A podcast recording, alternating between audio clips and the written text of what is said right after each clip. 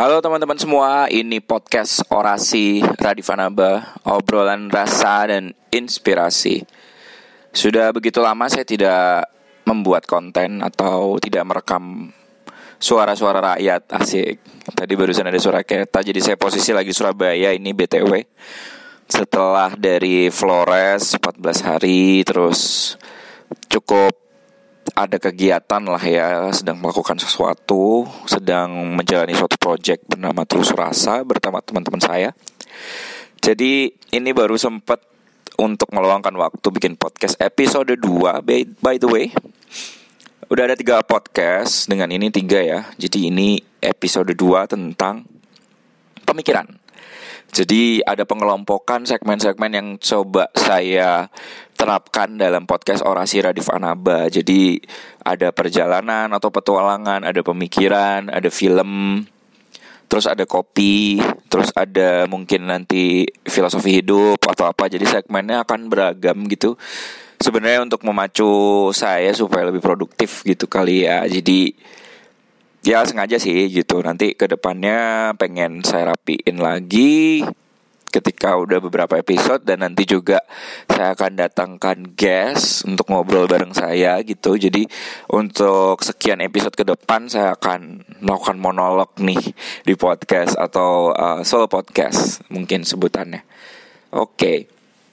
Kenapa di episode 2 ini saya kepikiran buat uh, mengambil tema ini yaitu memaksakan diri jadi kiri dan kaitannya dengan relevansi marxisme dengan konteks pergerakan anak muda hari ini. Jadi berawal dari pengambilan segmen pemikiran. Jadi sebenarnya uh, saya tuh selalu suka gitu dengan orang-orang yang memiliki uh, paradigma atau landasan utama dalam melihat suatu realita gitu landasan berpikir utama untuk melihat suatu realita paradigma gitu.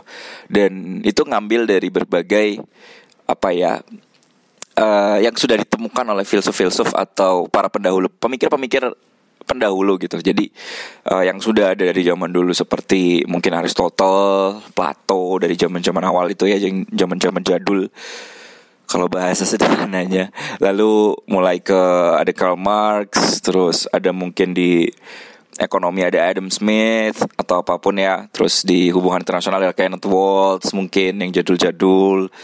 Terus berkembang berkembang dan itu membentuk apa ya?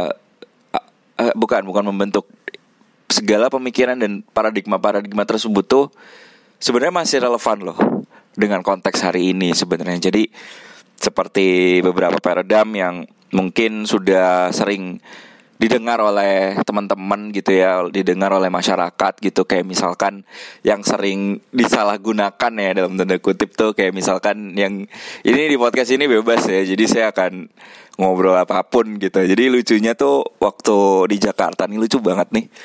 Terutama waktu pilkada Ahok Anis tuh lah kapan tuh ya sama Agus Yudhoyono tuh. Kapan ya itu? 2017 apa ya? 2016 ke 2017 kalau nggak salah 2017 pilkadanya. Cuman gejolaknya sudah dari 2016 jadi saat itu tuh lagi tren-trennya di Jakarta.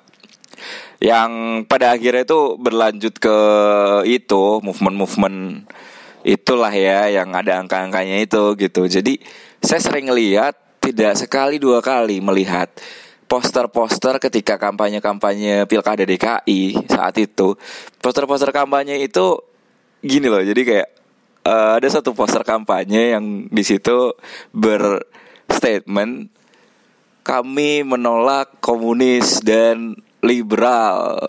Itu uh, gimana gitu? Dan yang ngomong tuh Islam gitu. Dari sisi agama tuh dari kelompok Islam gitu kelompok Muslim gitu. Saya Islam gitu. Saya Islam.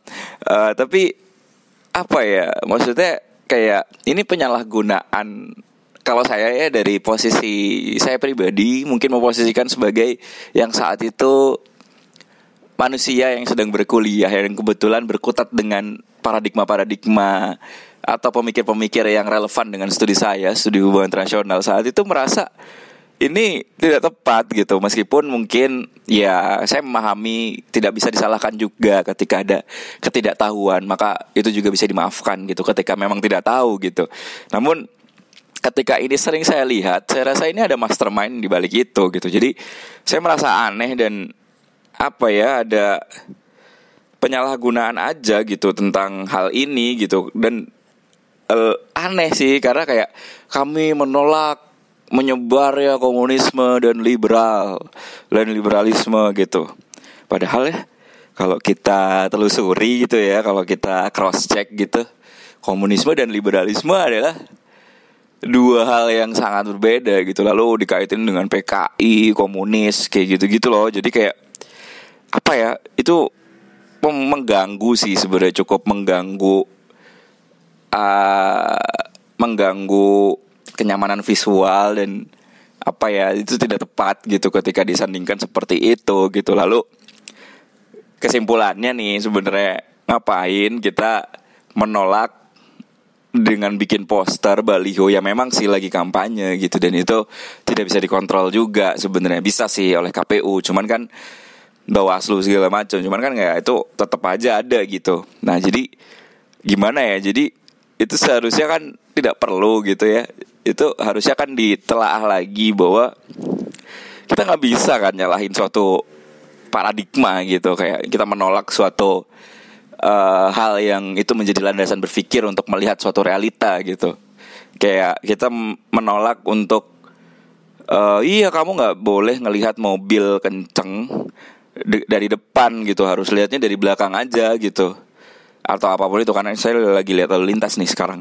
Nah itu loh jadi kayak kita nggak bisa kan melarang itu atau membuat suatu penolakan. Dan ketika dikaitan kembali mereka ini gak ngerti kali ya tentang komunisme dan apa ya dan liberalisme itu berbeda gitu jauh berbeda. Dan kenapa dua-duanya ditolak gitu. Dan terus kayak ada juga yang kayak kami menolak kapitalisme gitu-gitu. Jadi kayak aduh ini parah sih. Jadi kayak itu membuat saya terinspirasi untuk bikin episode ini. Karena oh sebenarnya bukan bukan karena saya ngeliat baliho-baliho waktu pilkada DKI 2017 tapi kayak lebih ke posisi anak muda gitu dalam konteks hari ini dengan pemaknaan ini. Saya jadi mikir gitu ya apakah eh, gerakan-gerakan uh, yang gerakan-gerakan masyarakat yang ada sekarang itu benar-benar memiliki landasan filosofis gitu. Ketika melakukan sesuatu, melakukan suatu tindakan di suatu momentum apa pun. Kayak misalkan ini kan terjadi ketika uh, Pilkada DKI 2017. Jadi apakah yang dalam konteks hari ini itu benar-benar memahami apa dalam apa mungkin dalam konteks hari ini ternyata anak-anak muda ini hanya memaksakan diri jadi kiri aja gitu karena saya sering dengar ya termasuk mungkin saya pribadi di zaman-zaman dulu gitu ya tapi saya saya jujur saya tidak pernah mengaku kiri gitu kalau uh, apa ya kayak uh, saya juga tidak bisa mau kiri banyak dari teman-teman saya wah ini lo kiri banget sih kayak sering yang bilang kayak gitu. Tapi saya tidak pernah mengidentifikasi dan mendeklarasikan diri saya bahwa saya itu kiri gitu. Karena saya juga masih belum apa ya masih banyaklah uh, pemaknaan yang harus digali lebih dalam gitu ya tentang kiri itu sendiri. Kayak apa itu kiri bagaimana sejarahnya gitu kan. Orang-orang kan juga belum terlalu apa ya terlalu ngulik kali ya kalau zaman sekarang gitu. Jadi kayak saya juga tidak merasa tepat ketika memposisikan diri sebagai kiri gitu. Bukan juga saya mendukung sepenuhnya kapitalisme gitu. Terus kayak Uh, nah itu yang menjadi landasan saya ketika melihat banyak ya, saya nggak bisa sebutin sih sayangnya, uh, banyak yang saya melihat pergerakan anak muda hari ini tuh bawa-bawa uh, misalkan nih ini dalam konteks kiri dalam artian kayak memperjuangkan rakyat gitu ya. Konteks utama yang waktu itu kan Karl Marx lahir apa ya lahir pemikiran ini gitu ya Karl Marx sama Friedrich Engels. Itu kan karena ada rasa ingin berjuang melawan satu sistem yang menghegemoni saat itu yaitu kapitalisme. Bagaimana dia melihat apa yang melihat kondisi sosial masyarakat yang tertekan dan uh, cenderung tertindas gitu ya dengan sistem yang menghegemoni saat itu atau yang sedang tren saat itu atau yang sedang populer saat itu yang sedang efektif saat itu yaitu kapitalisme. Mungkin sampai hari ini juga. Jadi uh, di situ muncul suatu apa ya perlawanan kritis lah sebenarnya secara pemikiran bahwasanya masyarakat ini juga berhak untuk akses-akses ekonomi, sosial dan politik yang lebih besar lagi, bukan hanya yang memiliki kapital saja atau yang memiliki modal saja. Lalu dalam hal bahwa masyarakat kelas saat itu penyebutannya masyarakat kelas proletar atau masyarakat tingkat kelas pekerja itu juga berhak dengan uh, nilai kerja yang lebih diapresiasi lagi, yang lebih setara lagi, yang lebih uh, merepresentasi apa yang sudah dia berikan secara nilai kerja gitu. Lalu ada gagasan tentang perebutan alat produksi juga dan dan ini pemikiran yang cukup bagus dari Marx meskipun memang belum final dan sayangnya Marx sudah wafat gitu ya Karl Marx. Jadi ini masih pemikiran yang mungkin bisa terdevelop atau bisa tertransformasi makanya muncul neo marxis atau mungkin bisa disebut jadi lanjutan dari marxisme awal gitu atau seperti apa. Jadi perlu untuk uh, masih harus dikaitkan lagi gitu uh, apa ya uh, diskursusnya gitu. Jadi uh, kalau saya ngeliat anak muda zaman sekarang tuh banyak nih uh, yang saya lihat ya termasuk teman-teman saya sendiri misalkan kayak ya nih saya pengen bikin gerakan ini karena saya melihat uh, penderitaan di mana-mana dan lain-lain. Tapi dia nggak pernah ketemu masyarakat gitu. Terus ngapain gitu? Terus kayak uh, perjuangan melawan ketidaksetaraan hak asasi manusia uh, upah buruh yang seperti ini seperti ini. Tapi dia keluar-keluarnya di forum-forum seperti di uh, apa namanya forum-forum PBB gitu. Kayak di New York atau di mana? Di Belgia ya eh, Belgia ya. Terus kayak di forum-forum UN di mana ya di luar negeri lah pokoknya. Mungkin di Italia atau di Jerman atau di mana atau di Belanda gitu ya di Den Haag atau di mana gitu.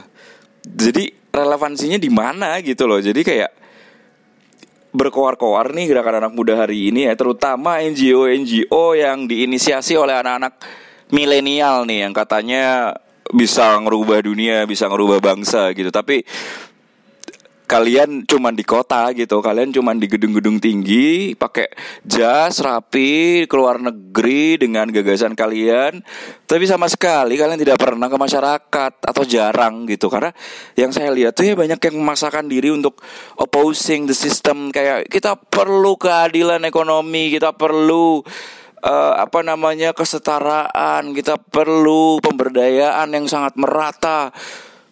Tidak normal sistem ekonomi yang sekarang, kapitalisme itu menindas. Oke. Oke, tapi Anda koar-koarnya di situ-situ aja. Oke, lulusan S1 atau S2 di Belanda misalkan di satu kampus terkenal misalkan di Erasmus atau di mana Rotterdam atau di mana uh, apalah di Amsterdam atau lulusan Belgia atau lulusan Ivy League sekalipun pinter-pinter tapi ketika bikin pergerakan di Indonesia atau menjadi pergerakan anak muda dan merasa bisa membuat suatu perubahan, bisa membangun negara ini. Tapi kalau tidak ketemu masyarakat, gimana kalian bisa mengidentifikasi kalian menjadi kiri? Karena pada dasarnya itu perjuangan untuk apa ya pemikiran kritis untuk memperjuangkan masyarakat gitu, society gitu. Tapi kalian koar-koarnya hanya di taruhlah kalau kota besar ya di Jakarta, di Surabaya, di Bandung gitu. Ya nggak apa-apa sih pergerakan daerah, cuman kalian stucknya cuman di konferensi-konferensi aja. Bikin NGO supaya terlihat ini loh, ini loh kita punya gini loh kita intelek gitu loh, intelektualis gitu loh, kita memiliki pemikiran, memiliki gagasan untuk membangun ini, memperjuangkan ini. Wah, karena kapitalisme itu jahat. Karena sistem yang sekarang itu tidak normal. Yang normal adalah sistem keadilan ekonomi. Harusnya seperti ini, seperti ini, seperti ini. Cuman when you're not doing anything, you're not meeting the society itself. Ken kenapa harus ada yang kayak gini gitu sebenarnya sih. Jadi apa ya relevansinya itu apa hal-hal gagasan dan landasan utama marxisme atau pemikiran kiri atau sosialis atau komunis itu menjadi tidak tepat sasaran gitu, tidak tepat guna gitu. Jadi harus gimana ya? Ini ini bentuk kritik saya sih karena saya juga pernah mengalami hal yang kayak perdebatan batin gitu ya dengan diri sendiri ini sebenarnya bener nggak sih saya bikin pergerakan seperti ini ini opposing gitu melawan sistem misalkan segala macam kalau saya tidak pernah ketemu masyarakat maka untuk apa itu semua? Landasannya didasari dari mana gitu? Karena rootsnya kan dari masyarakat. Marx karena melihat masyarakat bertemu masyarakat gitu.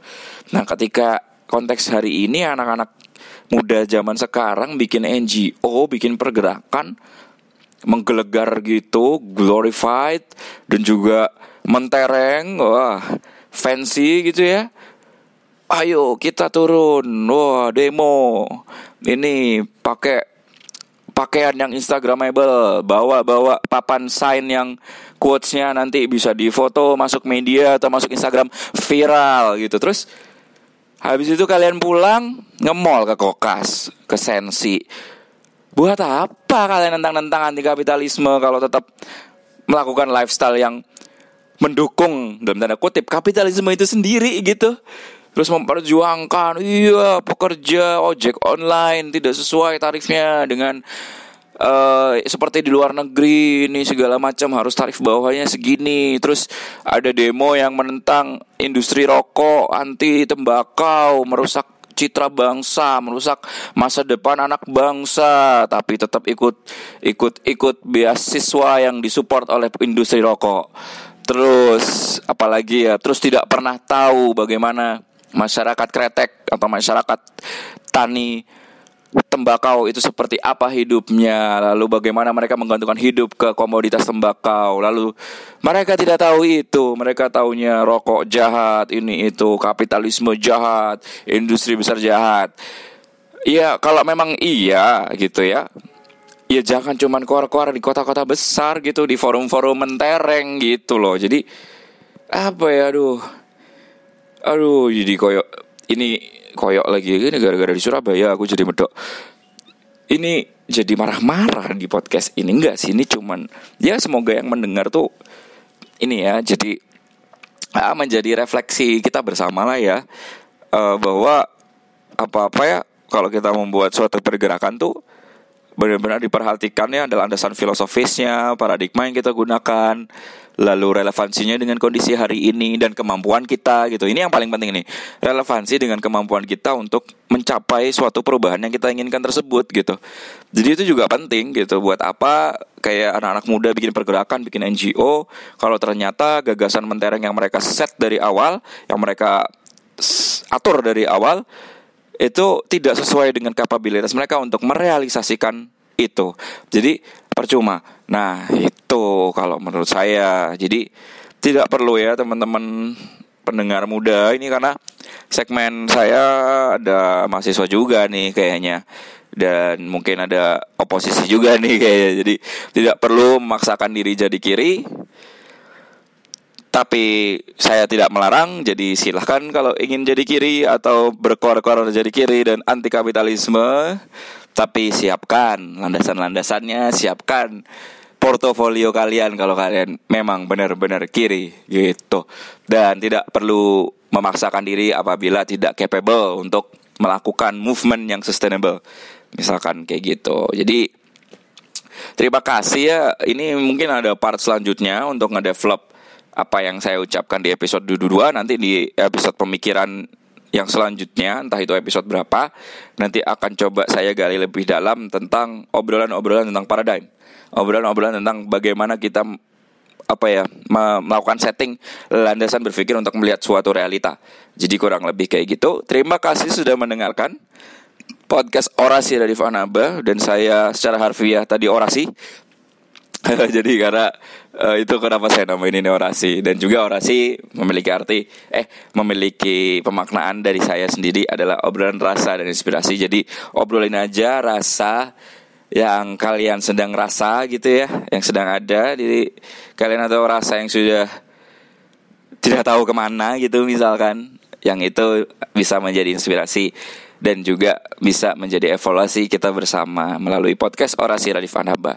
Terima kasih sudah mendengarkan, terima kasih sudah mendengarkan, terima kasih sudah mendengarkan podcast Orasi Radif Anaba sampai ketemu di episode ketiga tentang aku spoiler ya, saya spoiler ya, tentang kopi. pembahasan tentang direct trade atau direct pret. Gitu. Terima kasih. Bye.